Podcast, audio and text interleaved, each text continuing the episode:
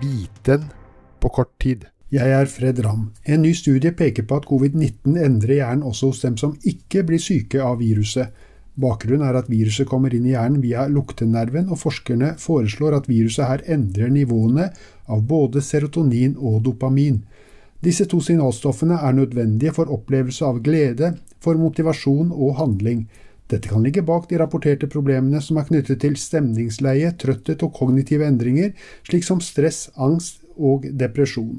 Sorg, opplevelse av hjelpeløshet og uvanlige bekymringer er en annen side ved dette, og dette kan forsterkes av tiltakene mot spredning, slik som sosial distanse, endring i daglige rutiner, endringer i jobbsituasjon og i økonomi. Men forskerne peker også på en rekke ting du kan gjøre for å motvirke disse forandringene i hjernen, slik som å finne på noe annet å gjøre, være i øyeblikket som ved mindfulness, meditasjon og andre teknikker, aerob trening, analysere innholdet i bekymringen og bringe inn fornuftstenkning, og ta en tur i naturen.